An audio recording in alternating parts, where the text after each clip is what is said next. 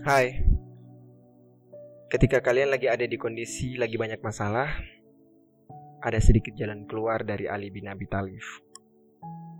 Ketika kamu ikhlas menerima semua kekecewaan dalam hidup, maka Allah akan membayar tuntas semua kekecewaan itu dengan beribu kebaikan.